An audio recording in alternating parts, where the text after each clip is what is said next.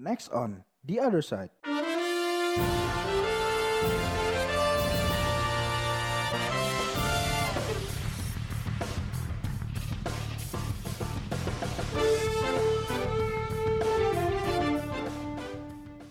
Selamat pagi, siang, sore, dan malam.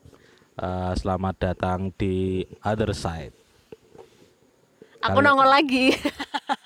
Kali ini Other Side tidak bersama Muhammad Ali maupun Fariski. Kali ini Other Side saya baca. Hari kali kita mau ngomongin soal apa malam ini?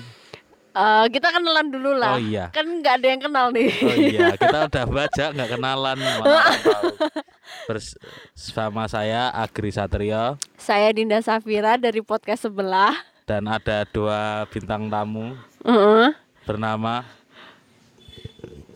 dua penyusup dari podcast sebelah Zahra. Penyusup sampingan dari podcast sebelah juga Lita. Ya, jadi kenapa banyak penyusup? Karena kebetulan tadi saya nganterin mic terus ini ada Nggak usah diceritain. rekaman podcast jadi sekalian. Ya mau ngomongin apa kita malam ini Eh, soal radikalisme kali ya. ya Karena kayaknya lagi hits kembali gara-gara Pak Jokowi mau ngubah nama. mengubah istilah yang akan Hmm. digunakan sehari-hari Iya, soalnya kalau radikalisme tuh kayak ekstrim banget gitu loh. ya jadi mungkin kita minta penjelasan satu-satu dari teman-teman ah, Mm-mm. bagaimana kalian memahami radikalisme yang seharusnya dan radikalisme yang dipahami orang-orang kebanyakan. Mungkin dari siapa dulu Zahra atau Siapa dulu? Oh ya udah aku dulu katanya. oke mereka belum persiapan maaf ya kalian ya. Eh, sebenarnya sih kalau aku melihat radikalisme itu adalah sesuatu yang berlebihan. Ya namanya juga radikal, ya kan? Tapi berlebihan itu lebih ke cara pandang kita terhadap hidup gitu loh. Misalnya kayak kita beragama. Ya beragama tuh baik-baik aja, tapi ketika agama itu sudah menjadi candu hingga pemikirannya kan langsung radikal ya. Radikal kan berarti ekstrim gitu kan maka agama itu akan menjadi tidak baik. Nah, ya itu sih yang paling simpel yang bisa aku definisikan. Karena eh, radikalisme tuh juga nggak soal agama sih, bisa juga tentang eh, cara pandang kita terhadap eh, sesuatu misalnya kayak kita tuh terlalu apa ya saklek gitu loh terlalu apa sih terlalu taat pada aturan terlalu taat pada pakem yang sudah kita ciptakan sendiri. Misalnya kayak aku tuh nggak suka lihat orang yang datangnya telat. Jadi aku nggak akan mentoleransi orang-orang yang datangnya telat. Nah itu kan sebenarnya bisa dikategorikan sebagai radikal karena dia Iya, iya. Eh, terlalu saklek terlalu kaku nggak mau toleransi gitu loh. Jadi ya itu sih yang maksudnya radikal tuh yang bener-bener dia tuh tidak mau bertoleransi atau bahkan dia malah jor-joran dalam memandang sesuatu gitu. Selanjutnya mau langsung atau? Ya udah langsung aja udah. Kalau Zahra nih Zahra. Tadi apa? Tadi apa? Eh, bagaimana kalian mendefinisikan radikalisme yang kalian pahami? Ah, kalau aku sebenarnya memandang Ah, ada suara motor. memandang radikalisme abs- lebih-lebih ketika udah kuliah di filsafat ya tidak melulu jadi sesuatu yang buruk gitu loh. Bisa jadi itu hanya perbedaan sudut pandang. Bagi orang lain saya radikal mungkin bagi diri saya saya teguh pendirian kayak gitu. Cuman soal Hmm, kayak gitu aja tapi kalau dari ya. akar katanya itu kan dari radix ya dari akar. Jadi ah, radikal tuh berarti bisa jadi diartikan kalau ah, pemahaman atau kepercayaan atau memegang teguh sesuatu dari akar-akarnya gitu. Jadi secara sangat kuat kayak gitu gitu sih Jadi sebenarnya sama sih ya karena latar belakangnya juga sama. Oh, buku yang dibaca sama ya. Ya jadi Oke. jadi ini radi- kayak yang udah tadi dijelasin sama Mbak Zahra bahwa radikalisme itu ya paham yang mengakar gitu. Berarti eh, pokoknya segala bentuk genre kalau misalnya kita memegangnya dengan sangat kuat dan tidak terbuka dengan genre atau pandangan yang lain itu ya udah bisa kita katakan sebagai radikal gitu. nggak cuma Oke. soal agama bisa soal ideologi etnis itu juga Ya ya ya. bisa sih Jadi eh, saya juga pengen mencoba mengidentifikasi menurut yang saya ngerti Oke. radikalisme itu menurut saya eh, pemahaman yang rigid dan tidak bisa ditawar, Mm-mm. tidak fleksibel. Jadi kalau menurut apa namanya yang saya pahami itu ada dua kutub di Mm-mm. dalam memahami sesuatu yaitu radikal dan moderat. Jadi kalau orang-orang yang rigid yang tidak pokoknya pokoknya pokoknya begini Pokoknya iki. pokoknya iki itu orang yang radikal kalau sing kalau orang yang oh ya nanti saya coba pikirkan lagi itu moderat jadi seperti itu itu berada di semua jenis ideologi ataupun pemahaman apa pun Ya di dalam kehidupan sehari-hari nggak sih? Iya. Heeh. bahkan ada orang yang bil, apa namanya menganggap kalau mau apa namanya dugem harus pakai sepatu itu menurut saya juga radikal. Pada kenyataannya kalau kamu dugem pakai sendal jepit diusir sama satpam kan. Iya Itu sih. berarti orang dugem radikal. Oke. Oke. Tapi kalau di Indonesia ini radikalisme kan lebih di- mengalami denotasi ya, penyempitan makna menjadi orang-orang yang beragama secara keras yang Ekstrim. ekstrim bahkan lebih menyempit lagi ketika radikalisme itu diarahkan ke orang-orang yang mau melakukan teror kayak gitu ya kan. Menurut kalian itu gimana? Maksudnya pandangan eh, negara terhadap apa namanya definisi radikal itu? Mm. Apakah mere- mereka itu termasuk radikal dan mengapa itu bisa terjadi atau kalian mau menjelaskan apa begitu? Ya, karena aku percaya bahwa radikal atau enggak itu sebenarnya perspektif atau sudut pandang yang bisa berubah-ubah. Jadi eh, apa yang dilakukan oleh negara tuh bisa dimaknai dua hal ya. Kayak dia emang ingin mem- memberikan apa ya me- menanamkan sebuah nilai untuk menjadi moderat saja atau justru eh, mengekang atau mengkebiri suatu kelompok atau uh, pendapat seseorang tentang sesuatu yang menurut paradigma di para paradigma di ranah para penguasa itu berbeda dengan apa yang mereka inginkan kayak gitu.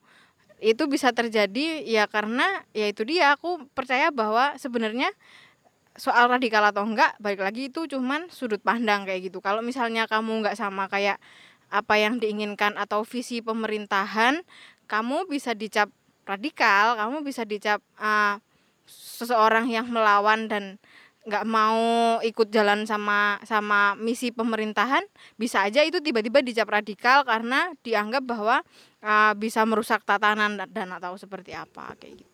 tadi berkaitan dengan radikalisme dan teror itu kan eh, sebenarnya agama eh agama maksudnya negara itu kan kayak menyempitkan radikalisme hanya berkaitan dengan teror gitu loh.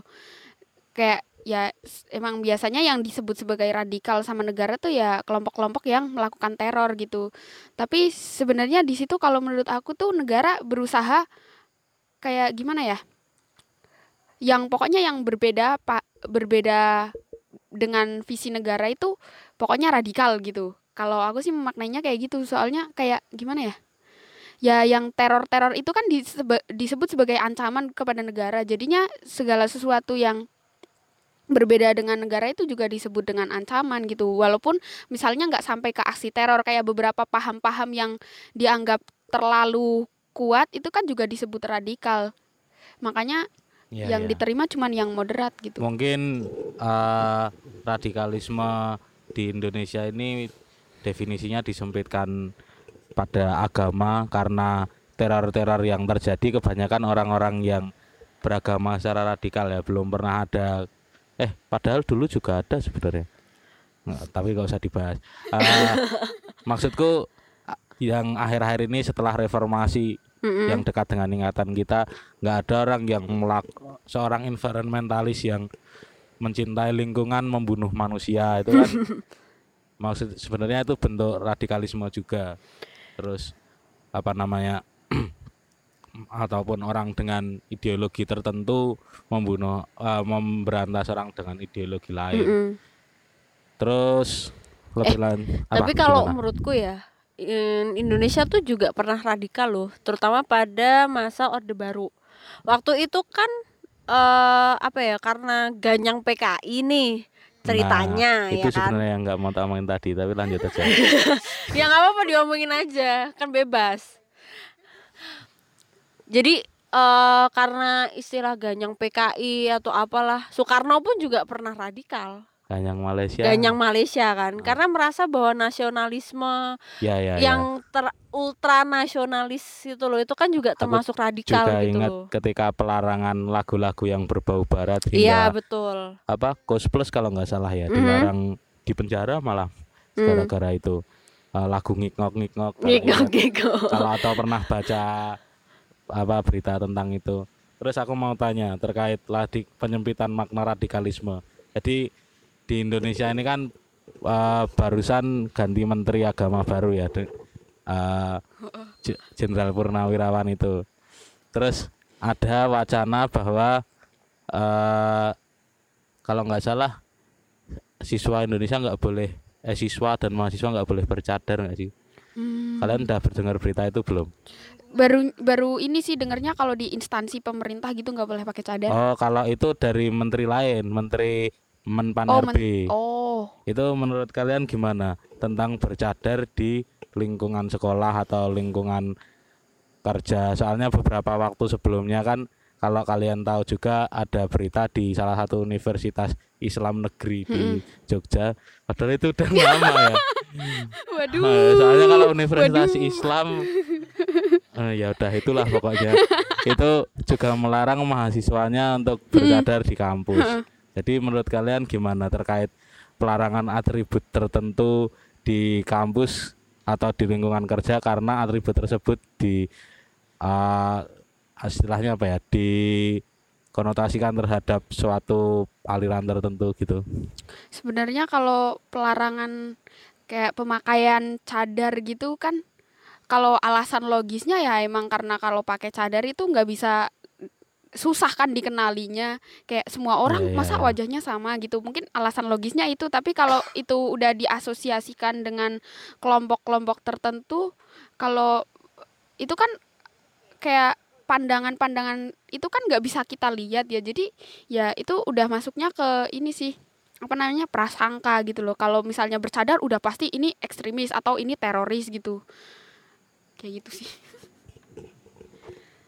Kalau aku sih melihatnya pelarangan di beberapa tempat terutama kayak misalnya ASN nggak boleh pakai cadar gitu menurut kalau aku sih sebenarnya setuju.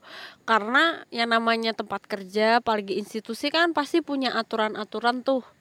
Yang har- misalnya kamu nggak setuju ya udah yang di apa yang dituntut tuh aturannya bukan siapa yang apa memutuskan itu. Karena kan pasti ada apa namanya kayak pakem-pakem gitu loh. Misalnya nih kayak aku sendiri ya eh, aku gambarin gampangnya aja.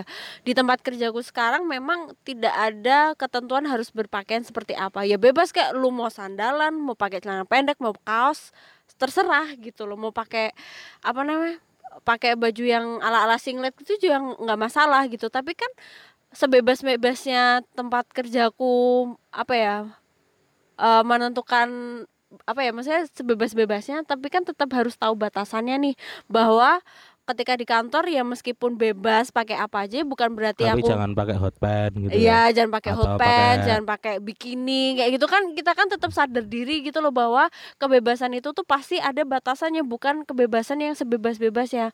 Ya sama dengan kayak institusi misalnya di pemerintahan atau di universitas negeri ya terutama.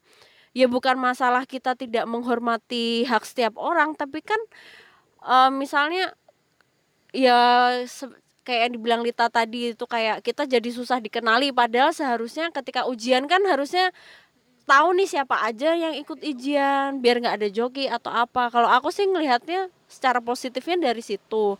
Cuman yang yang salah itu adalah ketika pemerintah menganggap bahwa yang memakai cadar atau celana cingkrang itu diasosiasikan eh, diasosiasikan kepada kelompok keagamaan tertentu kayak itu aku nggak setuju yang di bagian situ tapi untuk misalnya tidak boleh menggunakan apa memakai ini. Dan sekarang gini aja deh. ASN kan nggak boleh pakai celana jeans kan di kantor. Ya sama aja Iya. sebenarnya kayak gitu. Sebenarnya tuh sama aja. Cuman yang salah adalah ketika pelarangan penggunaan cadar ataupun celana cingkrang itu diasosiasikan kepada kelompok agama tertentu kayak gitu. Kalau menurut Zahra gimana? Saya kurang lebih sama ya karena kalau aku sendiri setuju, setuju hal itu dilakukan, dilarang di institusi-institusi tertentu. Sama kayak yang dibilang Mbak Flo tadi, kita di kampus juga nggak boleh tuh pakai kaos, pakai sendal jepit kayak gitu. Sebenarnya larangan-larangan yang umum kayak gitu, tapi yang jadi masalah yaitu ketika paradigma yang digunakan atau alasan yang dipakai untuk melarang itu adalah kalau bercadar pasti radikal, kalau cingkrang pasti radikal kayak gitu. Kalau misalnya soal larangan, aku melihat banyak positifnya apalagi kita habis eh, baru-baru ini lagi sering lihat cross hijabers yang Oh, sampai iya, masuk-masuk iya, iya. ini, masuk-masuk masjid dan lain-lain kayak gitu. Nah, itu menurutku itu eh, penerapan aturan itu di sebuah institusi tertentu jadi ada manfaatnya gitu loh. Kayak kayak tadi joki ujian juga mengurangi yang kayak tadi tuh. Gitu sih. Oh ya menarik menarik. Kalau saya sendiri sih belum memutuskan ya maksudnya apakah pelarangan menggunakan hijab itu adalah sesuatu yang wajar atau enggak. Ma- Maksudku bagaimana bila nanti suatu saat akan ada eh, kan gini ya pemahaman terhadap agama itu sesuatu yang tidak mutlak menurutku. Kalian bisa memahami sesuatu itu seperti itu, aku memahami sesuatu seperti ini. Mungkin memang eh, berdasarkan fikih yang dipelajari orang-orang itu memakai cadar itu wajib dan eh, bagaimana kalau kalian dilarang sholat atau dilarang menggunakan jilbab kayak di pernah terjadi di Amerika setelah 9/11 itu apakah itu menjadi sesuatu yang wajar itu loh. Tapi kalau untuk alasan-alasan teknis semacam tidak ada joki atau tidak ada cross hijaber masuk apa namanya masuk masjid itu mungkin bisa diantisipasi dengan hal-hal lain kayak kalau di kantor kan sekarang kan udah ada absen pakai face recognition itu Oh iya iya. fingerprint dan atau muka di Mm-mm. kampus juga begitu terus untuk masuk apa namanya untuk masuk masjid mungkin aku nggak tahu Oke gitu juga. Enggak dong. Tidak dong. Kan masjid itu punya umat untuk umum. Masa didaftarin satu-satu. Maksudku aku nggak tahu ya seksi, section bagian cewek itu kayak apa. Jadi mungkin bisa diperlakukan tertentu seperti apa gitu kayak Hmm. waktu di apa namanya tempat wudhu kan seharusnya tidak perlu pakai eh, cadar nggak apa-apa orang semua di sana mahram kan Mm. waktu di situ nggak boleh pakai cadar tapi setelah masuk menurutku waktu sholat pun kayaknya nggak perlu pakai cadar ya orang udah ada hijab gede yang menghalangi antara laki-laki dan Hmm. perempuan kan itu pelarangan cadar aku belum bisa memutuskan apakah itu wajar atau tidak begitu Mm. terus ada yang mau menambahkan tentang itu Sebenarnya sih eh menurut aku tuh masih abu-abu ya soal pelarangan cadar maupun celana cingkrang ini karena eh, motifnya ini loh, motifnya tuh apa? Kalau Nah. misalkan hanya untuk eh, hal-hal teknis misalnya ya menghindari joki atau supaya eh, mudah untuk berkomunikasi atau ya memang selayaknya selayaknya aturan apa namanya aturan perkantoran atau institusi ya menurutku sih sah-sah aja karena ya udahlah masa apa namanya kita tuh bebas. Iya kita bebas. Kalian boleh memilih apa pun yang kalian percayai apa pun yang kalian yakini tapi bukan berarti itu harus apa namanya harus apa ya istilahnya tuh kayak mendobrak yang sudah ada gitu loh. Lah kalau kita nggak mau diatur mosok Eh, kayak gini loh. Misalnya Iya. agama aja tuh ad- agama itu kan pasti ada kayak larangan gitu kan. Ya tapi masa kita mau mendobrak itu? Ya kayak gitu loh. Ibarat itu kayak gitu sih. Maksudku kan eh, peraturan pelarangan hijab ini eh apa namanya cadar ini kan baru ya. Jadi eh, dahulu orang-orang beberapa mungkin ada yang pakai cadar ke kantornya gitu. Mm-mm. terus karena dia menggunakan cadar itu atas keyakinan dia bahwa menggunakan cadar itu wajib Mm-mm. umpama. Terus ada pelarangan pakai cadar. Mm-mm. Terus apakah itu bukankah sebuah apa ya? Aku mau bilang persekusi kayaknya nggak pas. Maksudnya kalau diibaratkan kayak pelarangan pakai hijab di Amerika dulu itu kayak penekanan terhadap kelompok tertentu. Mm-mm. Maksudku eh, outfit itu men- menyimbolkan apa yang kamu yakini, tapi bisa jadi itu ditutupi. I- apa outfitnya bisa aja di istilahnya dilarang, tapi idenya kan bakal terus berkembang atau Heeh, bahkan benar. dia mungkin akan memberontak karena Mm. wah kita didolimi atau apa Heeh, gara-gara hal itu. Mm. Menurutku kayak gitu aja sih. Ada tambahan terkait itu? Mari kita terus berkontemplasi. Barangkali aku menemukan pencerahan. Oh, nggak ada lagi. Eh, jadi statusnya dari empat orang yang ada di sini, tiga orang sudah memutuskan bahwa pelarangan cadar itu seharusnya tidak dilakukan, tapi saya belum memutuskan. Nah tadi kan sempat ada wacana tuh bahwa Presiden Jokowi mau mengubah istilah yang dari radikalisme menjadi apa tuh manipulator agama. Nah sebenarnya aku tuh agak nggak dong ya, agak-agak nggak paham kenapa sih radikalisme tuh tiba-tiba berubah jadi manipulator agama. Apakah eh, sedemikian apa ya sedemikian berbahayakah istilah radikalisme itu? Ya sebagai anak linguistik sih aku paham bahwa setiap kata itu sebenarnya netral. Yang bikin nggak netral itu kan adalah asumsi-asumsi kita sendiri gitu. Kalau menurut kalian gimana nih soal perubahan istilah yang kayaknya kok malah jadi lebih aneh dan sadis gitu loh menurut kalian gimana nih Ya sadis sih, iya. Karena itu tadi radikalisme udah menyempit maknanya menjadi kalau di Indonesia di lingkungan sekitar kita jadi orang-orang yang mengamalkan agama dengan cara yang menurut orang yang moderat itu adalah cara yang ekstrim kayak gitu. Makanya sampai di, ma- mau diganti dengan manipulator agama karena anggapannya radikal sama dengan memanipulasi ajaran agama untuk jadi sesuatu yang keras dan tidak sesuai dengan apa yang diinginkan oleh pe- pemerintah kayak gitu. Kalau menurutku sebenarnya sama sih kayak radikalisme itu disempitkan maknanya kalau ketika istilahnya itu diganti dengan manipulator agama. Tapi istilah manipulator agama itu sendiri kan teknis banget ya. Teknis banget dan kedengarannya lucu aja gitu. lucu gak sih kayak kayak misalnya pemerintah fokus untuk menghapuskan manipulator agama kalau selama ini kan deradikalisasi kan upaya untuk mm, mengurai yang telah radikal itu tapi kayak masa pemerintah fokuskan dan tingkatkan upaya untuk apa itu membubarkan manipulator agama kan lucu gitu loh istilahnya gitu Hmm. Ya, kalau menurutku bagus ya pencarian istilah lain. Cuma meskipun Wagu secara ya. teknis istilahnya lucu dan wagu, tapi aku masih apa namanya mendukung kata radikal sebagai kata yang lebih uh, lebih luas gitu loh. Jadi soalnya untuk beberapa hal radikal itu enggak jelek, Iya, radikal itu heeh. bagus dan bahkan aku mengamini salah satu kata eh Habib Hussein kalau kalian tahu beliau pernah berkata bahwa kita memang harus radikal dalam pikiran tapi moderat dalam perbuatan. iya ya pernah dengar Jadi dalam mempercayai sesuatu itu harus radikal tapi jangan jangan radikal dalam perbuatan memaksakan itu pada orang lain dan lingkungan gitulah. Mungkin eh, inti kalimatnya. Tapi kalau katanya terus manipulator agama itu kayaknya Kurang- kurang, ear catching gitu ya. ear catching. Kalau aku sih setuju apa yang dikatakan Hub, apa siapa tadi?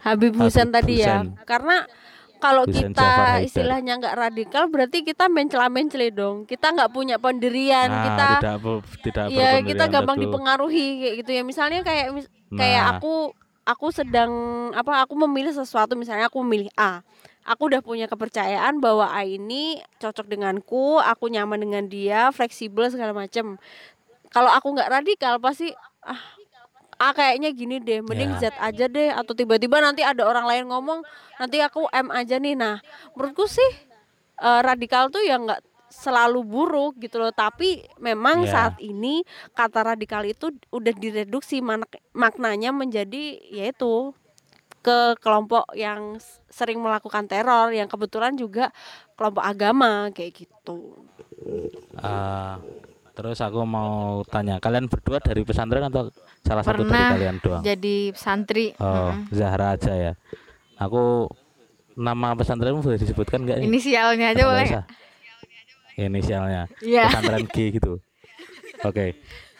Jadi Zahra ini berasal dari pernah nyantri di pesantren G. Ini pesantrennya aku agak bingung soalnya kalau aku lihat-lihat pesantren kan aku beberapa punya teman san- mantan santri juga ada yang ada juga yang masih nyantri sampai mahasiswa.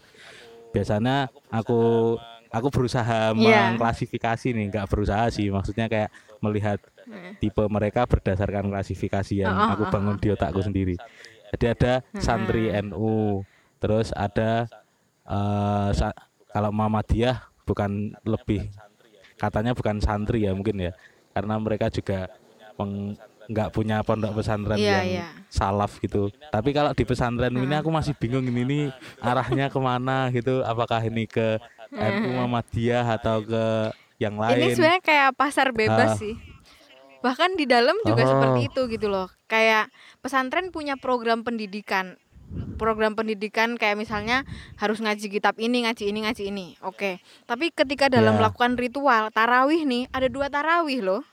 Iya, kayak gitu. Oh, jadi sholat subuhnya juga dua. Iya, kalau mau Yang kalau mau witir, yang ada enggak. kayak gini, misalnya ada yang sholat subuh berjamaah yang gedenya itu, itu nggak kunut, itu nggak kunut. Tapi kalau Eh, kunut maksudnya witir ya, ya lanjut. Maaf saya tipu, saya tipu. Nanti enggak ada yang denger malah Nah, ketawa. Lanjut, lanjut, Tapi ada kayak form santri yang dari awal tuh udah dikasih eh, kamu kalau misalnya sholat subuh mau kunut atau enggak kayak gitu. Wow. Kalau misalnya enggak, ah, dia enggak dia diizinkan untuk tidak mengikuti sholat jamaah yang bareng-bareng yang gede itu dan bikin forum sendiri sholat jamaah kayak gitu. Dia diizinkan untuk bikin jamaah Iya, baru iya setelah kayak jamaahnya gitu. yang pertama. Jadi wow. tidak ada saling memaksakan keluaran pondok pesantren ini jadinya bakal kayak gini enggak. Ada kan teman-temanku yang Oh, liberal Iya, sekali ada teman-temanku yang ya pakai cadar, Wow. ada yang ya beginilah rupanya, ada yang udah nggak pakai jilbab, ada yang seperti apa ya itu terserah mereka gitu. Mereka mau keluar menjadi Oh, alumni yang seperti apa itu terserah kayak gitu. Ini pasti tahu nih kalau ini ya nih.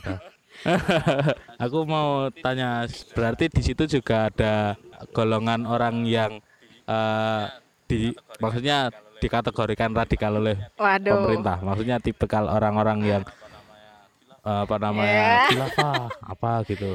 Ah, ya berat jawabnya. Ya, ya ada ada. Tapi Ada. ah, secara tegas itu pesantren tidak pernah melarang kamu kamu akan ngomong apa di depan. Bahkan ada yang pernah kan ada kami ada pidato gitu setiap minggu. Ada ya, ah, pernah ada yang menyampaikan itu. ide bahwa ya itu bercadar itu wajib, menegakkan khilafah itu sebuah kebaikan. Pesantren nggak pernah melarang ide apa pun gitu loh. Kayak gitu. Wow. Aku masih sangat umis. Apa namanya kalau dari kamu mau Aku mau si mengomentari berarti pesantrennya itu moderat radikal ya. Iya, soalnya Wow. moderat banget tapi Iya. moderatnya sampai ya pokoknya kita harus moderat banget gitu loh. Moderat radikal nih. Dalam beberapa hal kayak gitu kecuali tentang orientasi pendidikan ke Timur Tengah. Oh, ini udah jelas banget di pesantren Hmm, mana oke. lah udah. ya, ya, kayak Ya, ya, kalau ya. kamu tidak bermimpi atau bercita-cita menjadi mahasiswa di Timur Tengah, kamu tuh mendingan pergi aja deh dari sini kayak minoritas. gitu. Eh.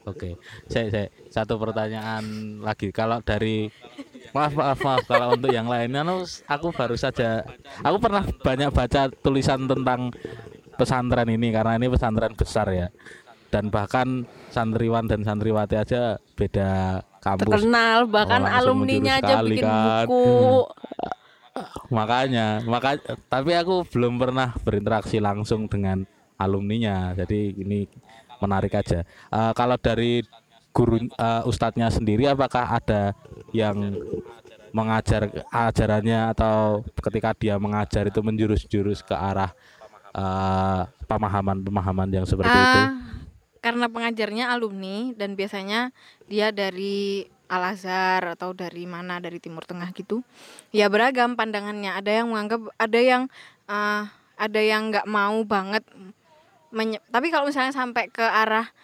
menegakkan negara ini adalah hal yang bagus itu nggak ada tapi ada yang sama sekali tidak tidak mau berkomentar tentang bagaimana uh, Islam di Indonesia seharusnya gitu loh. Apakah harus uh, mengikuti budaya atau seperti apa? Ada yang sama sekali nggak mau nyinggung itu karena bagi bagi beliau agama dan budaya adalah dua hal yang sangat berbeda kayak gitu. Tapi yang sampai uh, mengajarkan atau mendidik bahwa uh, kalian kalau mau jadi muslim yang baik harus begini harus begini itu nggak ada. Ya udah pokoknya fokusnya ke pengembangan ilmunya aja sih kayak gitu. Oke, I see, I see, I see. Jadi mungkin eh, cukup banyak yang udah kita omongkan, kita kontemplasi bersama karena tidak ada apa namanya, briefing atau obrolan sebelumnya. Tahu-tahu pengen rekaman aja. Jadi sekian dari podcast Other Side kali ini. Aku nggak tahu ini episode keberapa. Udah banyak kayaknya nih.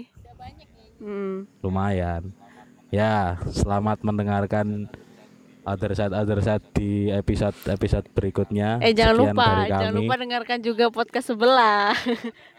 oh iya jangan lupa dengarkan podcast podcast yang lain terutama ini yang punya ada di sini Ah, selamat malam kalau sekarang atau pagi atau sore atau siang di Sampai episode jumpa. selanjutnya. Jangan lupa ya buat kepoin terus kami di @pijak podcast. Bye bye.